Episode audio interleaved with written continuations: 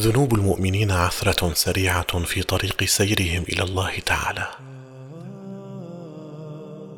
فهي خطفة من خطفات الشهوات والشيطان. وأما ذنوب الغافلين فمنهج حياة.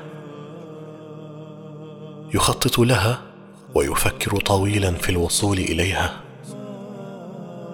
ولذلك فصاحبها في ذنب ما دامت فكرة الذنب تشغلها. وذنوب المؤمنين لا تحتاج إلا للاستغفار لأن التوبة تعقبها مباشرة.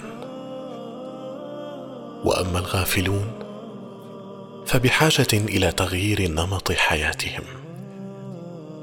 فما أشبه ما يحتاجه هؤلاء من التغيير بالهجرة إلى الله ورسوله من دار الكفر إلى دار الإسلام.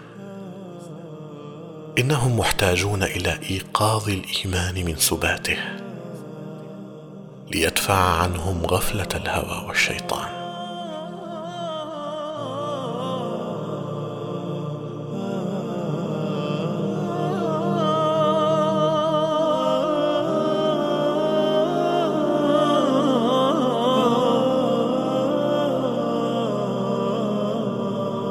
بقلم الشريف حاتم بن عارف العوني